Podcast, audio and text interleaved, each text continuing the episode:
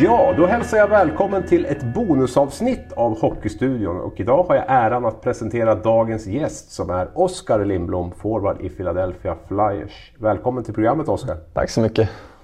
Eh, ja, att prata med, med dig utan att komma in på det här fruktansvärda cancerbeskedet som du fick för tio månader sedan är ju, är ju omöjligt. Men vi ska börja i den andra änden. Vi befinner oss nämligen i Gävles norra utkanter på en idrottsplats som heter Testebovallen. Vilka minnen får du i den här miljön, Oskar?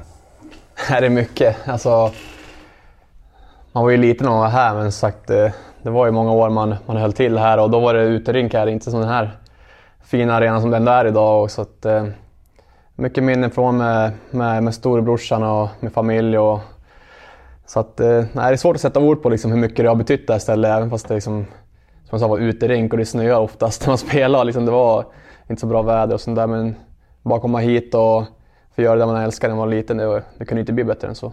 Känns det lite spe speciellt fortfarande att gå runt här och tänka tillbaka? Ja, det gör det absolut. Omklädningsrummen är likadant. Så sist jag var nere där och kollade så var det liksom så här, jäkla det, det är rätt lika som det var när jag var, när jag var liten och sprang runt här. Så det är mycket, mycket good feeling att vara, vara tillbaka här. Mm. Och som sagt, du och, du och brorsan, han är ett år äldre än vad du är. Ni spelade ihop i, i samma lag om jag förstått det rätt? Ja, exakt. Från, från tidig ålder spelade vi fotboll, hockey och innebandy tillsammans. Så det, det var mycket tävla och mycket tävla när man var hemma. Så jag tror det, det är en anledning till att jag kommer så långt jag har kommit. på grund av han. Liksom, han har pushat mig genom, genom mina yngre dagar. Så det är mycket att tacka honom. Var det han som spelade fram och du som gjorde målen eller? Ja, oftast var det faktiskt så. Sen, eh, han gillar inte att skjuta så mycket heller så det, det, blev ganska naturligt att jag fick, fick stå för avsluten. Mm. Hille Åbygeby som det heter, moderklubben, är ju en av många småklubbar i, i Gävle här. Kan du beskriva den klubben? Eh, ja, svårt att beskriva. Alltså, det är en riktigt fin liten klubb. Eh, Bengt och Elvin Myckesson som är eh, de, de två som håller i klubben och ser till så alla, alla är välkomna. Och behöver man hjälp med någon utrustning eller någonting så ofta, hjälper de ofta till med det. Liksom. Det känns som att eh, det är många, många andra klubbar runt om i landet som verkligen pushar för att få fram de bästa och sådär. Men i Hillö är verkligen alla välkomna och det känns som att det är, det är liksom en linje som går genom hela, hela föreningen. Så det, det är någonting jag har varmt om hjärtat också, att alla, alla är välkomna och det spelar ingen roll vart det är ifrån eller hur det ser ut. Det ska, det ska kunna spela hockey. Mm. Du nämnde den här tävlingen lite grann med brorsan innan att ni pushar varandra. Vad skulle, om du skulle lyfta fram en liksom viktig del eller viktig sak ifrån din tid i ungdomshockeyn till att du blev den spelare du är idag? Vad finns det där?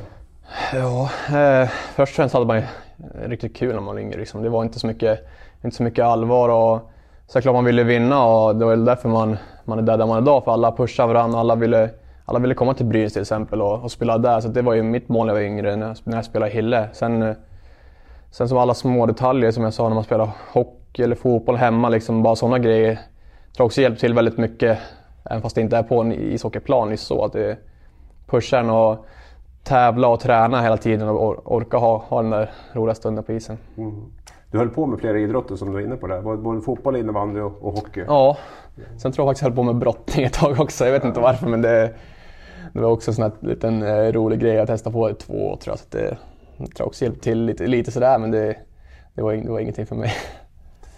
Eh, när bestämde du dig liksom för att hockeyn var, var det du skulle satsa på? Då? Eh, jag spelade rätt länge ändå med fotbollen där. Jag tror jag höll på fram till jag var 14, har för mig. När, när eh, min bror, vi fick gå upp i Brynäs i U16 blir det, fick jag också följa med där och spela med dem. Och T-pucken och allt det där. Så då, det kändes som att det var för mycket med fotbollen om vi skulle träna en hel sommar med Brynäs. Och det var svårt att, att kombinera det där men sagt, hade jag, hade jag kunnat hade jag spelat, hade spelat fotboll längre. Mm. Så det, under den här tioårsperioden när du kom fram så var det ju otroligt många spelare från just Gävle som, eh, som kom fram också. 20-tal som blev draftade, ett 10-tal idag som spelar i NHL. Vi kan nämna Bäckström, Markström, Järnkrok, Silverberg, Elias Lindholm, Christian Jos och inte minst du då. Finns det någon enkel förklaring till att det blev så här just med den här kullen född mellan säg 87 till 97? Uh, eh, nej, det är som svårt att säga. Men alltså, I alla fall när jag kom upp redan i U16 så då såg man ju de äldre, liksom eh, Silverberg och Markström här var uppe i A-laget. Sen var ju Elias lite, och Jos lite närmare mig som jag spelade med några matcher och sådär. Men man kunde nästan ta på det liksom, när de var med och spelade. Man kunde se hur de tränade och hur pass bra de var. Så då ville man liksom försöka mäta sig med dem. Så det var främst för mig. Liksom, jag ville bli som dem och kunna liksom, eh, dra lite efter, efter deras, eh, vad säger man, attityd och hur de, hur de tränar. Så att det, sen är det svårt. Det är liksom, man vill träffa riktigt rätt med vissa spelare liksom, så kommer, kommer utifrån som man tar hit. Och, Sen är det bara, vart det liksom en kultur att eh, de hade kratt i manegen som man brukar säga. Och det fanns yta för oss yngre att ta en plats i A-laget och, och lyckas i A-laget. men just någon specifik detalj så jag tror jag inte att det, att det var. Men det var viktigt att det var ja, killar som bodde i samma stad som hade gjort den här resan och som visade att det, att det var möjligt att ja. dels gå upp i Brynäs A-lag och sen även ta sig hela vägen till, till NHL. Ja, det tror jag absolut. Speciellt när det började med Beckes. Liksom, han var en superstjärna direkt och alla alla känner väl att oh shit, det, här, det här går verkligen inte att ta sig hela vägen. Och, och sen blev det som det blev, bara rulla på med spelare och sagt, hade bra tränare, bra träningar och funkar bra med skola och allting sånt där. Så du hade ju förutsättningarna att kunna bli bra. Vad tror du att du gör? Vad är det som har gjort att du ändå har gått hela vägen till att bli en NHL-spelare och liksom tar igenom det där tuffa nålsögat? Ja, så, jag vet faktiskt inte. Jag har ju aldrig varit liksom bäst på skridskorna, så det är det ju inte. Men eh, jag har alltid haft en näsa för mål och veta vad jag har behövt bli bättre på. Jag har försökt ta in mycket information och alla, alla olika tränare jag haft genom åren. Och, och inte liksom tänkt att det, den där lyssnar jag inte på. Men försökt ta in något litet från alla, alla som man pratar med och sen försöka utveckla det och bli bättre på. Men eh, ja, det är väl det. Eh, lagspelare försöker liksom rätta mig in. Även fast jag tycker olika försöker jag ändå göra det bästa av situationen med hur vi spelar eller någon tycker illa om mig. Det är, liksom, det är fine vid ett lag. Jag, jag ska inte ta åt mig så mycket av det. Sen försöka pusha alla andra. Det, jag, tror det, jag, försöker, jag försöker i alla fall de senaste åren liksom vara en komplementspelare till de andra och, och göra dem bättre. För jag vet att jag kommer inte vara bäst i mitt lag. Eh, men sen kan jag göra den bästa i vårt lag ännu bättre och jag kan vara bra utav det. Så känns som att har, det har gjort mitt. Liksom. Hur viktig är attityd och inställning för att slå sig in i, i NHL? Mycket framförallt det som jag kände första året jag kom över där, det är inte lätt att åka över och, och tro att man kan slå, in, slå sig in direkt i ett lag. Jag tänkte ju, som jag hade ett bra sista år i Brynäs, att jag hade stor chans att, att, ta, ta en plats på en gång. Men eh, man märker ganska snabbt när man kommer till camp att det, det är många som tänker lika som dig och det är inte, det är inte lätt att slå dem på fingrarna där borta. Så det, eh, jag tyckte det var tufft i början, speciellt när man är ensam allt det där och allt det runt om. Det. Men sen lärde jag mig ett tag att jag måste, jag måste visa vad jag går för också. Jag kan inte bara liksom vara den snälla svensken som eh, inte står upp för mig själv. Så det, nej, det gäller att vara ganska hård i, i psyke och allt runt om. Så det.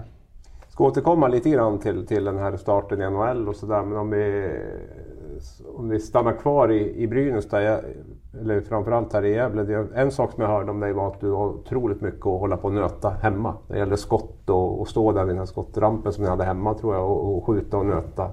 Var det så? Ja, det blev en del. Eh, sen ju äldre man blev så blev det ju, då hade vi alltid skottramp uppe på, på hallen så det blev många timmar efter, efter fysträning på somrarna och sen blev det mer efter isen när jag hade isträning på vintrarna. Så det, det blir mycket sånt och försökt liksom nöta in så att man, när man väl är i de där lägena så kan man trycka dit den snabbt istället för att behöva tänka till. Så det, ja, det har blivit, det har blivit några timmar.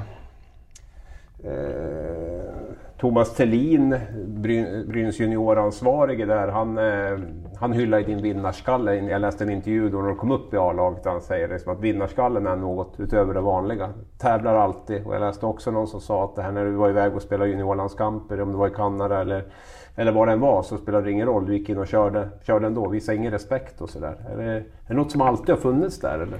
Ja, men jag tror jag blev mer arg när jag var yngre faktiskt. Nu har jag lärt mig att hantera lite men det det är klart man vill ju vinna, liksom, det finns inget annat. Men eh, som sagt, när jag var yngre då kunde det verkligen brinna till. Alltså, då kunde det, det spelade ingen roll liksom, om det var en lagkompis eller inte. Då kunde jag bli riktigt arg. Men nu har jag försökt hålla koll på lite på den där, på den där känslan. Men det finns fortfarande inombords och när det väl, när det väl brinner så brinner så att, eh, Nej, det finns där. Men som sagt, det känns som alla de som har kommit långt i sin karriär har lite av det där i sig. Eh. Vad är det värsta du har gjort då under ungdomsåren?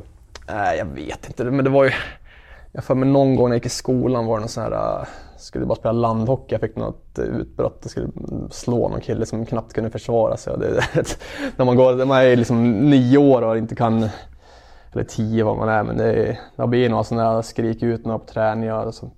Som, som jag skulle se på efterhand nu så jag tänkte vad håller han på med? Liksom. Vad hade han gjort då, den killen? Nej, jag vet inte, han hade väl bara vunnit mig eller någonting. Det var sån här, ingenting alls liksom. Det väl någon gliring eller vad som helst. Så att det...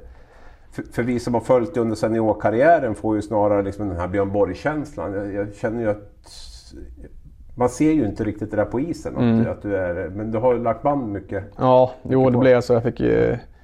Farsan var på mig rätt mycket när jag var yngre att jag kan inte hålla på. Även fast han ville att jag skulle vara liksom en, en sån där liten grinig. Men eh, kunde liksom inte hålla på skälla ut lagkompisar och sånt där. Det har varit lite för mycket. Så det, nej, som du sa, nu är det lite mindre av det utåt, utåt sett. Ja, verkligen. Så att det får jag höra mycket att man är för snäll och sådär i laget. Och, nej, det, nej, det funkar fortfarande så att det, någonting rätt måste jag göra. Det bor en liten jävel kvar. Ja, det gör absolut. Det, det är alltid kul att vinna, speciellt om man kan, kan vara på någon och göra någon annan grinig så är det ännu roligare. Mm.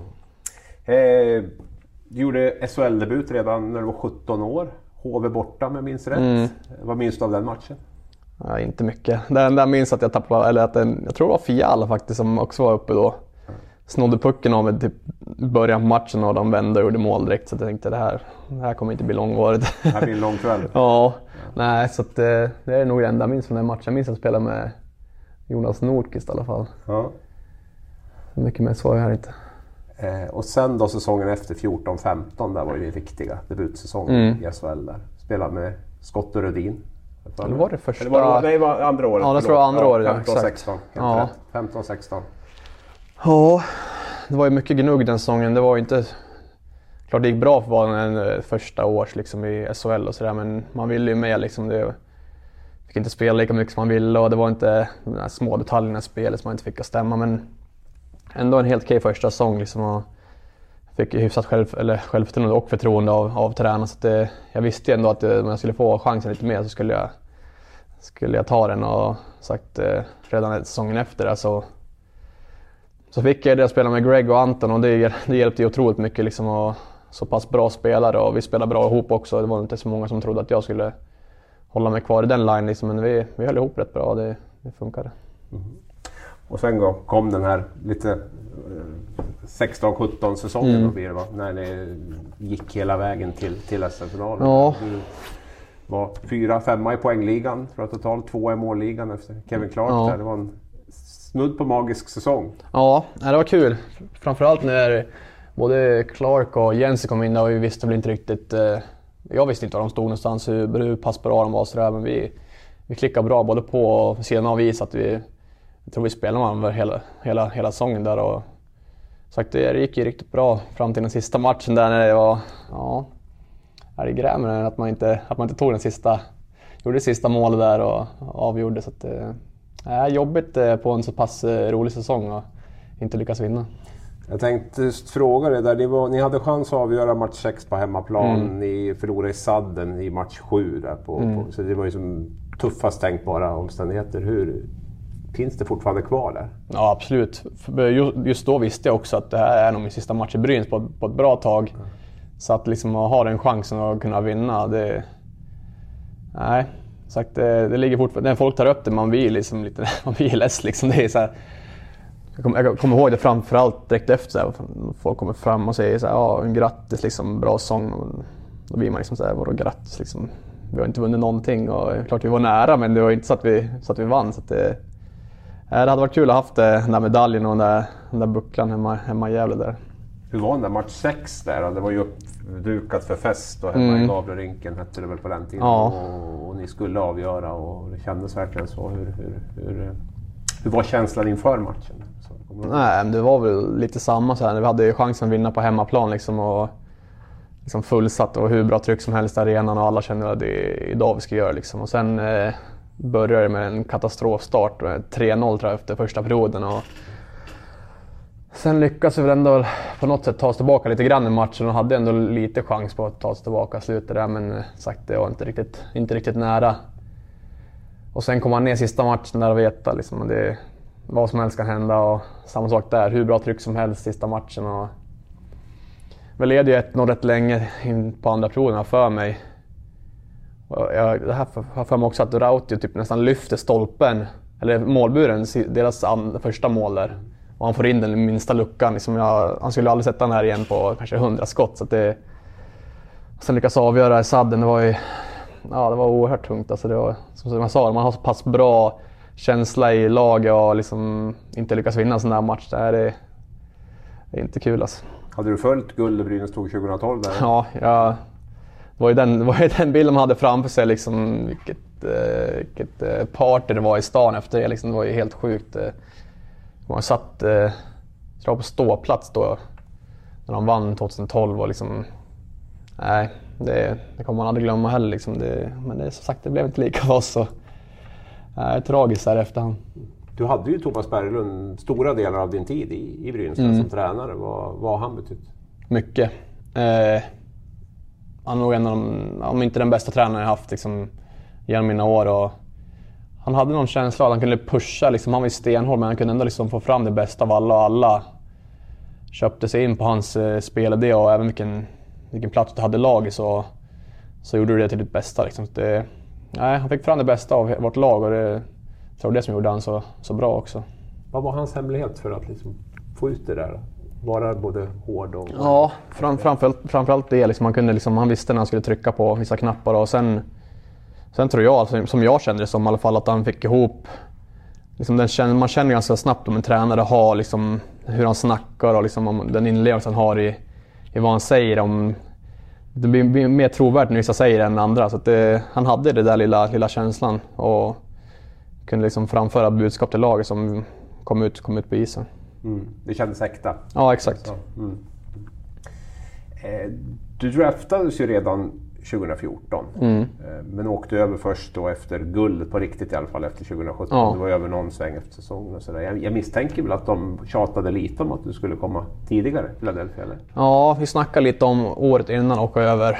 Men jag kände väl att så här, jag hade haft en bra säsong i Brynäs men jag kände att jag kunde ändå få ut lite mer här hemma innan jag åkte över. Så att det, jag bad om att förlåt, vara kvar ett år till och det, det var liksom inga, inga problem att stanna hemma ett år. Så de tyckte att, att det var bra egentligen. Så, så att det, äh, jag tror alltså för min del, liksom, jag har varit vald sent. Jag tror det var bra för, för egen del att kunna vara kvar ett år till och ha så pass bra år. Annars tror jag det blir jobbigt också att komma över. Och, annars är det alltid någon som går före dig och sådär. Så, så jag fick ju chansen ändå rätt snabbt där. Så att det mm. är viktigt. Rådgjorde du men någon av de andra, till exempel spelarna som har varit där borta, som har Brynäs-anknytning eller hur, uh, innan du bestämde? Nej, egentligen inte. Det var ju som jag sa tidigare när vi pratade innan, att jag pratade med, med Robert Hägg lite grann och han hade varit där rätt länge. Liksom, och jag känner att jag, det är bättre att stanna ett år till än att och fastna i, i AHL som, som, som vissa gör. Och, och jag kände också att jag hade inte, hade inte vuxit klart riktigt. Jag behövde bli lite mer mogen. Och, mm kände att jag ville verkligen vara redo när jag åkte över istället för att bara sticka när, när de ville Men det var ingen massiv övertalningskampanj tidigare från Philadelphia? Utan nej, nej det var inte. Ganska, ja. ja. Det var mer en fråga bara om jag, om jag hade, kände att jag ville åka över. Och liksom. Jag tror att det var lättare också. Du valdes ju i femte rundan. Mm. Jag tror att det var lättare på grund av det också. Det tror jag absolut. Att de inte var lika på. Mm. För det blir inte lika mycket press på dig när du är valt sent och de, som jag sa, de vill inte kanske ta över lika tidigt heller som om jag hade varit i första rundan och hade kanske fått åkt över två tidigare. Det vet man ju inte. Så det, jag tyckte det var ganska skönt. Liksom. Jag hade ingen press på mig alls när jag spelade hemma. Så att, eh, sen går det bra här hemma, då blir de mer liksom, då vill de ha över den och, och det funkar liksom. Det gick ju bra, jag har min plats nu och det är jag väldigt glad för. Ja, och du som var inne på det tidigare, alltså du, du vinner, eller du är toppen i poängligan, målligan här i SHL, du har spelat med landslaget och allting. Ändå är det ett steg till känns det som, ja. att, att, ta en plats i NHL. Är det så pass tufft? Ja, i alla fall för mig. Hur jag känner det som det var, sagt det är en hårdare kultur där borta med, med spelare som vill in i lag och hemma har du liksom din trupp.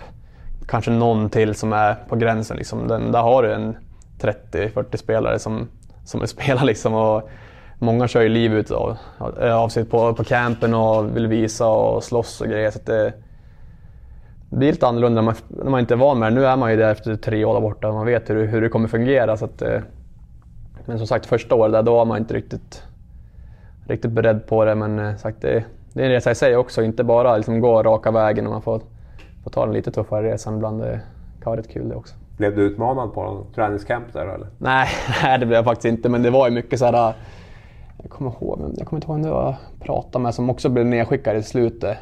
Som var ganska hårt på mig på campen liksom och försökte trycka ner mig lite så att jag skulle känna mig liten. Och, mm. och sen eh, blev han också nedskickad eh, och sen liksom var vi polare, liksom skitbra polare när säsongen började. Då det är inga problem alls. Mm. Det, det, är lite sådär, man är förberedd på att det kan komma lite vad som helst. Om du idag då skulle ge ett råd till en yngre kille som som funderar på att åka över eller när han ska åka över och vad som kommer krävas och sådär. Vad skulle du, skulle du svara? Det är också svårt. Det är alldeles på, på person till person det där men som sagt känner man sig inte riktigt redo och inte riktigt klar hemma då tror jag inte det är så stor idé att åka över. Liksom. Det är, många svenskar kan det finnas där borta. Det spelade väl hundra svenskar i om det var NHL förra året och jag vet inte hur många jag har men som sagt det, det är lätt att fastna i den där lunken liksom och om inte laget riktigt tror på det heller och du inte har spelat så bra som du har velat här hemma och kommer över, då är det, liksom, det är svårt att ta sig in fort. Mm. Det kommer ta ett tag för, för de flesta. Och, och sen när man väl åker över, där gäller det att vara, vara redo. Mm. Och tro att man kanske kommer behöva göra ett tag i, i AHL för att komma in. Liksom. Det, är, det är rätt många som får göra det. Så det, det tar den kampen och, och orka. Liksom. Annars är det ingen idé att åka över tror jag. Om man inte har siktet inställt på att få behöva jobba. När det gäller det mentala och bli testad och sådär, vad, vad, vad, har du för tips där? Det gäller, det gäller att stå upp för sig Ja, så är det ju. Men samtidigt, är det, som, det är en lagsport. Det är, ja. det är svårt att liksom väga av på det där. Men som sagt, är, som jag sa tidigare, det är, det är liksom bara att vara förberedd på att det är inte samma som hemma. Det är inte det. Kommer ryssar, det kommer kanadiker som liksom inte bryr sig någonting om någon annan. Och, då gäller det att kunna vara, vara förberedd på det och sen är du förberedd då blir det lite enklare. Det är, det är mest det. Sen hur man förbereder sig, ja. det, är, det är den biten också. Kan man vara förberedd? Nej, det är svårt. Men det är som jag sa tidigare, hur man är från, som person själv också, liksom, hur man tar det där. Mm. Du kom ju som firad stjärna här i SHL då, eh, till Nordamerika och fick ju spela stora delar av första säsongen där i, mm. i AL. Var det februari du fick? Ja, jag tror jag spelade 50 matcher i AHL och ja, innan jag blev kallad. Hur var, hur var det då? AHL-säsongen eller? Ja, ja. Eh, det var bra ändå. Alltså, vårt lag är ganska bra, liksom, vi har en bra arena och liksom, det går som en linje genom hela föreningen. Så vi har bra coacher och allt sånt där i AHL också. Så att det, för, I början var det tungt för jag var ju förberedd på att, eller förberedd, jag var inställd på att jag skulle ta en plats och det var det jag ville. Och sen blir man nedskickad, då blir man lite, lite deprimerad och sådär. Men sen när jag väl började spela, det kändes bra liksom. Och fick spela mycket utvecklas på den lilla isen. Liksom, eh, träna mycket extra. Eh, så jag tror på så vis, hamnar du i rätt lag med bra liksom, coach och allt sånt där, liksom, linje i föreningen så då tror jag det kan vara nytta till många också. Liksom. Du får den lilla extra träningen och mycket istid för de flesta. Det, det hjälpte mig i alla fall och sen, sen om det inte hjälper andra eller hjälper andra, det, det är svårt att säga. Många eh, väljer, eller ja, en del i alla fall, väljer att åka hem då när det inte blir riktigt som mm. man tänkt sig. Och fanns den tanken där någonting? Ringde Stefan Bengtzén och tjatade på dig och ville hem dig hit Nej. tillbaks? Eller? Nej, det var lugnt faktiskt. Men jag spelade ändå bara 50 matcher. Det är klart det, det låter mycket men det är inte, det är inte en hel säsong i AHL. Och vissa lär spela en tre säsonger i AHL innan de ens får chansen att spela i NHL. Det, jag hade nog gett ett, ett bra tag till innan jag, innan jag hade gett upp där i alla fall. Mm. Och sen fick du komma upp året efter så, så var det en hel NHL-säsong. Mm. Du gjorde 17 mål bland annat. Där jag läste någonstans att det var väl, ja om det var det bästa en europeisk rookie hade gjort någonsin i klubben. Eller ja. i alla fall var i närheten av det. Ehm, för att sätta det i lite perspektiv så var det ju en, en väldigt bra säsong. Så ja. Hur kände du själv? Och, ja, för första delen innan jul var ju tufft. Alltså jag fick inte, egentligen inte spela så mycket överhuvudtaget. Uh, Fick sitta på läktaren en match kommer jag ihåg och liksom det var, kunde bli så här åtta minuter per match. Och, och sen eh, bytte vi coach där, ja, typ runt jul för mig. Och då kom våran AHL-coach upp. Så, ja. Och då fick jag ju börja spela hur mycket som helst. Liksom han, han tyckte om mig. Jag fick spela boxplay och powerplay och mycket minuter. Så att det, det var ju då det exploderade lite grann. Jag gjorde ju nästan alla mina mål efter jul. Så att, mm så att det var en väldigt upp och ner säsong men sagt, jag avslutade på ett bra sätt och kände att jag kunde ta med mig det till, till den här säsongen som kom. Då, så det, nej, det, det, var nog väldigt viktigt för mig att få med sig det. Om man inte hade en hel säsong och knappt fick spela. Det blir lite jobbigare under sommaren. Liksom, vad, ha det självförtroende man vill, vill ha in i en säsong. Mm, det varit lite dubbel payback där för dig. Dels fick du lära dig spelet i AHL och sen fick du också coachens förtroende. Ja, exakt. Exakt, att det, nej, det hjälpte mycket måste mm. jag säga. Vilka var, om vi tittar på förra säsongen där, vilka var förväntningarna där när du klev in i, i den? Eh, alltså jag hade väl inga större förväntningar så. Klart, man ville vara bättre än året innan och spela mer och sådär. Vi hade en ny coach igen. Eh, ny eh, GM som kom in eh, på slutet också året innan. Så att det vill såhär, eh, hur står vi liksom? Vad kommer coach tycka om mig? Hur kommer jag känna mig på isen? Och, eh, började försäsongen lite helt okej. Okay. Jag gjorde liksom knappt något mål eller sådär. Jag fick spela mycket och Sen när väl säsongen började, första matchen fick jag spela powerplay. Det hade jag inte gjort på försäsongen. Och sen bara kändes det som att jag, allt bara föll på plats. Jag kunde slappna av, jag spelade mitt spel, jag fick spela med bra spelare. Så att det var liksom det här flowet man kommer in i när man känner sig, känner sig bra, har bra självförtroende. Det är, det är inte mycket som slår det. Alltså man, det spelar ingen roll om du kommer till en match känner dig lite sliten. Du, när du väl är på isen och ska spela så, så känns det bra plötsligt, även fast det inte gör det på något konstigt sätt. Så det, det, var, det var en kul säsong fram tills det tog slut. Ja, precis. Och då är vi framme där och december 2019 fick du alltså beskedet då att du hade drabbats av Ewings sarkom, mm. en typ av skelettcancer där. Ehm, ja, 13 december vill jag minnas att vi fick beskedet här i, här i mm. Sverige, i Lucia för mig. Och eh, hur långt före det hade du fått beskedet? Det var inte långt sen. Det var nog bara någon dag innan ska jag tro. Alltså, jag kommer inte ihåg exakt men... Eh, för det blir också när vi skulle spela match dagen efter och jag kunde inte vara med på matchen och då säger de först att det är en skada och sen liksom... Hur ska de ta det vidare? Liksom, det är ingen idé att, och, och gömma det egentligen eftersom jag inte kommer kunna spela på hela säsongen. Så det gick ju ut med det typ bara så här, en eller två dagar efter där för mig. Men då hade jag, jag hade ändå hunnit prata med mina vänner och familj och så att det, var, det var ingen fara så, men det var ganska skönt på ett sätt att det kom ut. Slippa man liksom gå runt och säga till alla liksom att jag, jag har cancer. Och, men, eh, och sen kom ju liksom det, en storm liksom av eh, positiv energi från alla möjliga håll så att det, det hjälpte mycket. Ja, vi kan ta det därifrån där. Alltså alla de här reaktionerna som, som kom från mm. hela hockeyvärlden. Hur, hur, eh, hur var det? och uppleva allt det här? Ja, lite... det var rätt sjukt faktiskt. Alltså, man kunde inte förstå. Jag tänkte ju först liksom, ja, det är väl någon som skriver liksom. Sen liksom när hela, hela hockeyvärlden började skriva till en och liksom det står överallt och som jag sa, liksom all positiv. Det var ju bara positivt egentligen allt som kom. Och den energi man fick då, framförallt typ de första veckorna när man mådde, liksom, mådde ju piss liksom. Så jag behöver inte ljuga om det. Det var ju liksom skittråkigt och visste inte hur man skulle liksom vad man skulle ta vägen, liksom, hur kommer det här lösa sig? Och sen alla som skriver till en och liksom, här hemma, liksom, Brynäs sätter liksom, klistermärken på hjälmen och stöttar den på det sättet. Och, nej, så det var, var mycket olika slags eh, sms och meddelanden. Så, där, så det, nej, men det var, det, som jag sa, det hjälpte mycket i, i stunden där.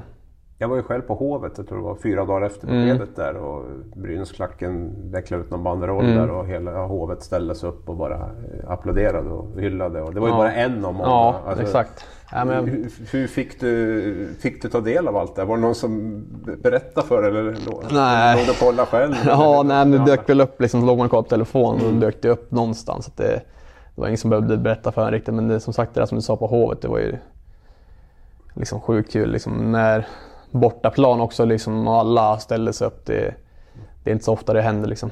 Nej.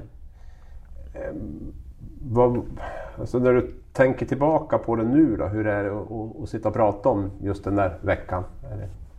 Det känns långt bort kan jag säga. Ja. det känns som hela resan har varit ganska, ganska suddig så här i efterhand. Då, men sagt, eh, jag minns ju så väl liksom när det hände och jag skulle egentligen fått Eh, Eh, resultaten en dag tidigare och vi skulle spela mot Colorado borta.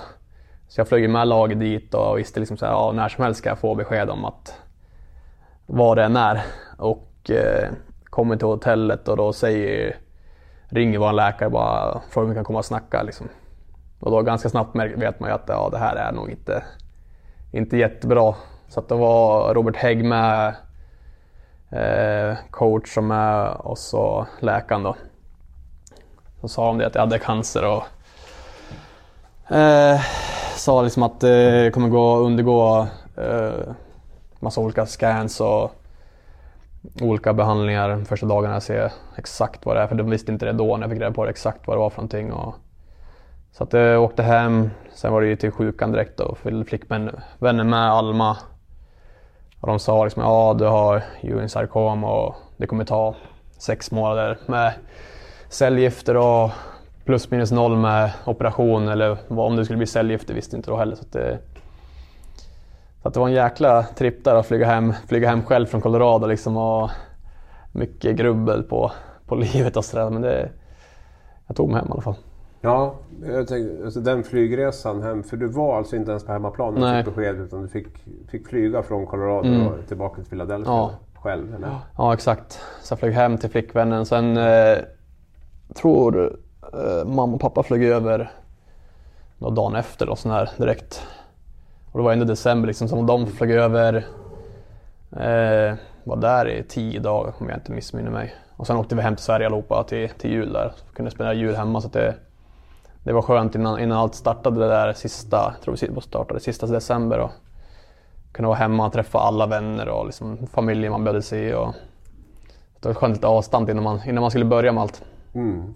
Hur, det var din flickvän Alma va, som mm. upptäckte att du hade någon knöl ja. på, på benet? Vi hade pratat om det lite tidigare så jag kände att så jag tänkte att jag hade fått en smäll eller någonting. Jag sa att jag hade liten, liten knöl på revben liksom. Det var väl inget mer med det. Eh, spela vidare, vaknade upp någon morgon så här kände jag att jag var lite stel liksom. Samma sak där, det kan hända. En match, få en tackling eller vad som helst. Eh, sen fortsatte liksom bara sådär hela tiden att jag kunde inte liksom ligga på vänstersidan och det var konstigt liksom. Sa Alma, du, du måste kolla upp det. Hon, hon är lite mer liksom, hon vill ha koll på saker. Jag är såhär, ja det är lugnt, det, det spelar inte stor roll. Så att jag kollade upp det efter en match först. Jag tror Edmonton borta, gjorde en vanlig röntgen. Eh, de såg inget speciellt. De sa samma som jag trodde att det skulle kunna vara. Ja men det kanske är en smäll eller någonting. Det har blivit pålagningar eller vad som helst. Eh, fortsatte samma spår typ en vecka till. Sen så här, äh, nu vill jag ta tag i det här, jag vill kolla vad det är. För då hade det blivit lite större också. Gjorde vi en, jag kommer inte ihåg om det var en CAT-scan. Och de liksom, samma sak där, jag kunde inte riktigt säga vad det var. Så att fick göra en till plus en, en, en biopsi. Det var ju där de verkligen såg liksom att ja, det, det är cancer liksom. Och, eh, så att jag har henne att tacka liksom. Jag hade nog dragit ut på ännu längre om inte, om inte hon hade varit med, det tror jag. Du beskriver den här första veckan som, eh, som extremt tuff. Mm. Vad var det tuffaste just då? Just att inte veta riktigt. Man hade liksom så mycket information man får in på sam, samma gång. Och inte veta liksom när ska behandlingen börja, hur kommer, jag, hur kommer jag må, när kommer jag kunna spela hockey igen, hur kommer mitt liv se ut? Allt, liksom alla frågor på samma gång. Det är svårt att ta in sådär. Men sagt, eh, jag, jag mådde ju hur bra som helst. Alltså, rent kroppsligt. Jag hade ju liksom ingen förutom att jag var lite öm på revbenet. Jag kunde ju spela hockey och jag kunde röra mig hur jag ville. Så det blev ju konstigt på det sättet också att jag mådde så pass bra. Någon säger så här, ja du är sjuk. Du kommer inte kunna spela hockey med den här säsongen. Du ville, ville ta det här vidare, se hur du kommer, hur du kommer kunna leva vidare liksom. Men eh, sagt, vi kom på ganska snabbt, eller de kom på ganska snabbt att det, liksom, det kommer gå bra. Det är på revbenet, det är nog ganska enkelt ben att kunna ta, ta bort. Liksom. Och hade jag haft det på smalben till exempel, då hade jag kanske inte kunnat spela mer. Men sagt, jag, hade, jag hade tur i oturen att det var just revbenet. Vad händer om det är på smalbenet? Kan man tvingas till eh, det, beror, ja, det beror på hur stort det är. Liksom, om de behöver ta bort en viss bit av benet, men oavsett om de tar bort en viss bit av benet i smalbenet så är det ju svårt att gå. Liksom. Det, eh, så att, eh, nej, jag var tur att jag fick det på revbenet. Vad visste du om skelettcancer innan du själv drabbades? Ingenting. Ingenting. Alltså det, är, det är samma sak, man tänker liksom så här, vad ska det hända mig? Liksom. Jag är en vältränad hockeyspelare liksom, i mina yngre dagar, liksom, så att, eh, vad ska det hända mig? Men sen när man väl kommer in i det och ser hur pass många, många det är som har cancer, liksom, det är sjukt. Liksom, det känns som nu är det så här, överallt var jag än tittar så ser jag någon som har cancer. Liksom. Man har väl kanske inte tänkt på det på samma sätt tidigare sådär. Men eh, ja, nej, det är tufft alltså. Det är för många som får det. Ja. prata om den första veckan. Om vi tittar på hela perioden i stort. Då, vad, vad, vad har varit liksom allra tuffast tycker du? Eh, första veckan jag började med cellbehandling, jag, också här, jag, jag visste inte vad jag skulle gå igenom riktigt. Så började vi köra, jag satt i ja, kanske fem timmar och körde liksom cellgifter. Bara pumpa in. Eh, de sa att det kommer ju må illa liksom, men ja, man kan ju må illa på väldigt många olika sätt. Så att då kom jag hem och sen var det så här, ja, la mig i soffan och var helt utslagen liksom, resten av den dagen. Det var så här, shit, ska det vara så här liksom i sex månader nu, då kommer det bli tufft alltså. Mm. Men eh, sagt, sen den veckan gick jag mådde bättre och bättre för varje dag för då hade jag bara en dag på den veckan med behandling. Mådde bättre och bättre mot helgen. Sen hade jag liksom, jag körde ju varannan vecka, så hade, sen hade jag en hel vecka där jag kunde liksom må rätt bra ändå. Sen gick på igen, så jag körde, då körde jag fem dagar. Så varannan vecka var det en dag och fem dagar hela tiden. På sådär. Eh, det var illamåendet för mig i alla fall som var det värsta. Liksom. Jag varit helt utslagen och ingen ork överhuvudtaget. Och bara liksom ställa sig och laga mat om dagarna var ju, kändes ju långt bort. Mm. Det, jag var tur jag hade min flickvän där och sen var mamma där i början också när det var som värst. Så att det, nej, de hjälpte mycket där. Hur var det att meddela beskedet till, till sina föräldrar och övrig familj? Och så? Nej, det var inte kul alltså. Jag kommer ihåg när jag ringde mamma och pappa. Då fick, de fick Alma ta över. Jag kunde liksom inte säga det till sina föräldrar att man, man har cancer. Jag tyckte det var svårt. Alltså det, det var mycket tårar då, men sagt när det väl var över, det var ganska skönt att kunna ha någon att prata med direkt. Och alla vi kände också att det kommer gå bra. Så att det, försöka vara positiva så fort som möjligt här nu då. Ändå liksom komma över den gränsen att man grubblar och mår dåligt över det. Så det... du, du var aldrig rädd att det liksom skulle vara så allvarligt så att du inte skulle kunna klara av det? Eh, nej, som sagt, jag fick, jag fick ett bra besked i det dåliga även i början. Liksom. Det, hjälpte, det hade varit skillnad kanske om man hade fått någon annan slags cancer eller om det suttit någon annanstans. Då hade det kanske varit ett annorlunda tänk. Men nu var det ändå så här, det här kommer att lösa sig, det kommer att gå bra. Så att, eh, jag har alltid varit ganska positiv i, i alla möjliga, alla, alla möjliga sätt. Så det, nej, det gick bra ändå. Liksom, då som jag sa, i början var det tufft men sen bestämde vi oss för att det skulle, skulle vara positivt och inget negativt för då kommer det bara bli ännu jobbigare. Tänker man i den här perioden att man ska tillbaka till hockeyn eller handlar det mer bara om att klara av behandlingen?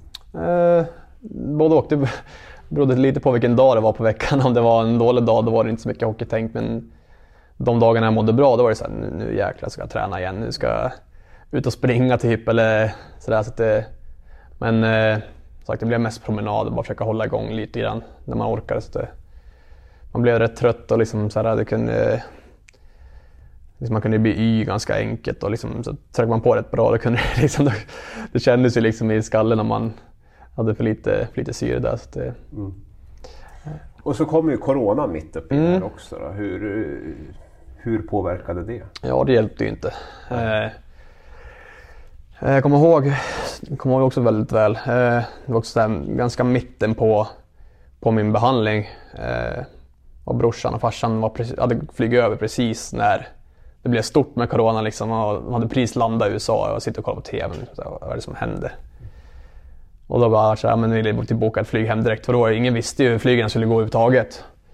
Så att de bokade hem, flyg hem efter bara några dagar, om det var typ tre, fyra dagar, flög hem. Och sen skulle vi ha fler, Almas familj skulle komma över till exempel två veckor efter, var där en halv vecka eller sånt där. Så att det var sådana grejer, speciellt för henne att få hjälp från familj liksom, och istället för att hon ska börja fixa allt hela tiden, och då alltid det var främst det som var lite jobbigt för, för min del, att liksom se henne laga mat och städa och så ligger jag där på sängen eller på soffan och bara väntar liksom på att det ska bli bra igen. Så att, eh, nej, det var tufft men sagt, det eh, tog, tog oss igenom det. Det var ju liksom tre månader, det var bara, bara jag och Alma i, i vår lägenhet egentligen. Vi vågade knappt gå ut vissa gånger. Så att. Eh, Nej, för eh, det var väl ännu mer, var stå ännu försiktigare då mm. misstänker jag. Ja exakt. Jag fick ju knappt liksom vissa gånger innan coronan gå ut liksom och, och träffa folk. Så det, det blev inte bättre. Det var mycket, jag hade ju mask på sig jämt till exempel och mm. Shade har ju nästan alla där borta. Mm. Men ändå, det var ju inte så att eh, man säger nu ska vi gå ut och träffa kompisar. Så att, det eh, blev väldigt isolerat? Mm, väldigt isolerat. Försökte spela mycket spel och sånt där men sagt, efter ett tag blir man också, nej jag orkar inte hitta på något annat. Det, det finns ju en gräns där också. Man hör liksom folk sitta isolerade bara några dagar och håller på att liksom klättra på väggarna. Men tre månader, ja, det är nog det längsta jag kommer sitta i en lägenhet. Och... Mm. Bor, ni nära, bor ni nära sjukhuset? Eller? Ja, det, det, finns ju väldigt mycket sjukhus i Philadelphia. Ja. Så att det center jag var på och gjorde mina cellgifter var kanske 10 minuter bort bara. Okay. Med bil. Så att det hade kunnat gått dit men det var, mm. det var inte ett alternativ då. Så det, nej, det, var, det var skönt att ha det så pass nära och jag fick ju sån riktigt bra hjälp där också. Så bra läkare och bra sjuksköterska och allting. Så det, jag kunde inte, kunde inte fått något bättre tror jag. Var det, var det svårt att ta in att ditt öde engagerade så, så många människor? Ja, jo men tror jag ändå. Liksom så här, lilla jag liksom blir så, det blir så uppblåst allting och det står överallt. Och sen blir det samtidigt svårt, där. man vill ju hjälpa alla som sitter i liknande situationer, som, som skriver till någon. Men så här, det är svårt att hjälpa alla, liksom, det går ju inte. Eh, så det är, jag tycker nästan det som är svårast, att liksom, ta in så här, fan, de skulle behöva hjälp liksom, och den behöver hjälp, men jag kan, liksom, jag kan ju inte hjälpa alla. Liksom. Det många i samma situation som Ja, som exakt. Ja, okay. Som hör av sig, så försöker man svara på vissa, mm. så vill de ha sin, min läkare och sånt där. Och, mm. Men eh, man försöker så gott det går. Mm. Vilken känsla var det starkast under den här tiden? Har det varit rädsla, ilska, smärta, förtvivlan?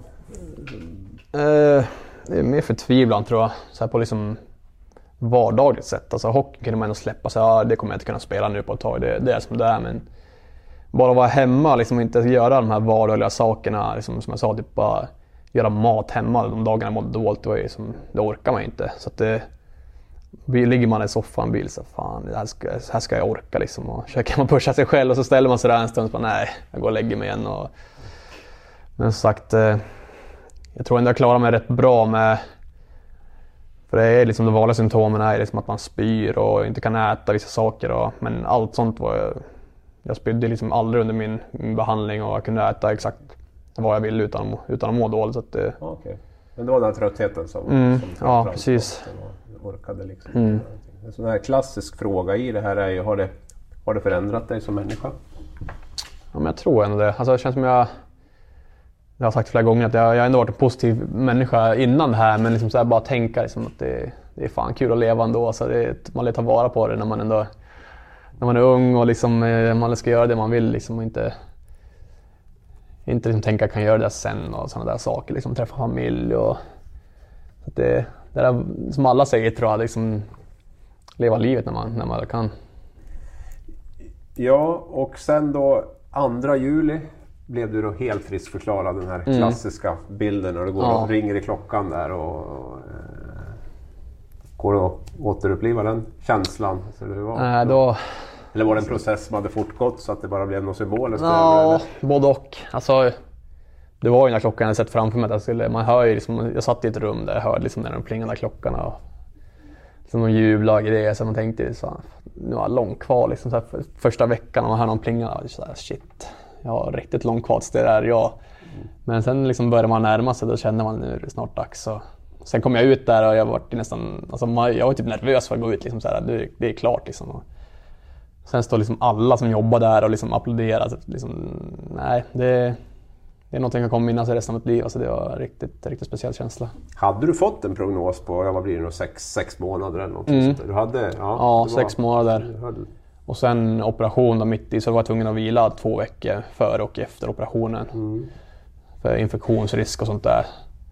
Eh, så det var cellgifter först då, och sen fick, gick de in och opererade och sen mm. var det cellgifter efter? Ja, efter precis. Också då. då. tog de bort den här knölen? Ja, exakt. Mm. Så att, eh, och sen gjorde vi en massa scans direkt efter på den där också, tester och det var inget, ingenting kvar i revbenet. Det var ju ganska tidigt men då under, under cellgiftbehandlingen. Så det, det var nog skönt att veta så pass tidigt att det, liksom, det funkar på mig. Liksom det, behövde inte testa några nya grejer. Och, men eh, sagt, nej det var eh, att folk kan orka gå igenom de cellgifterna liksom och sagt jag är en, en ganska stark liksom och, men man ser på de som är äldre, liksom, det, det är sjukt hur de orkar. Liksom, det...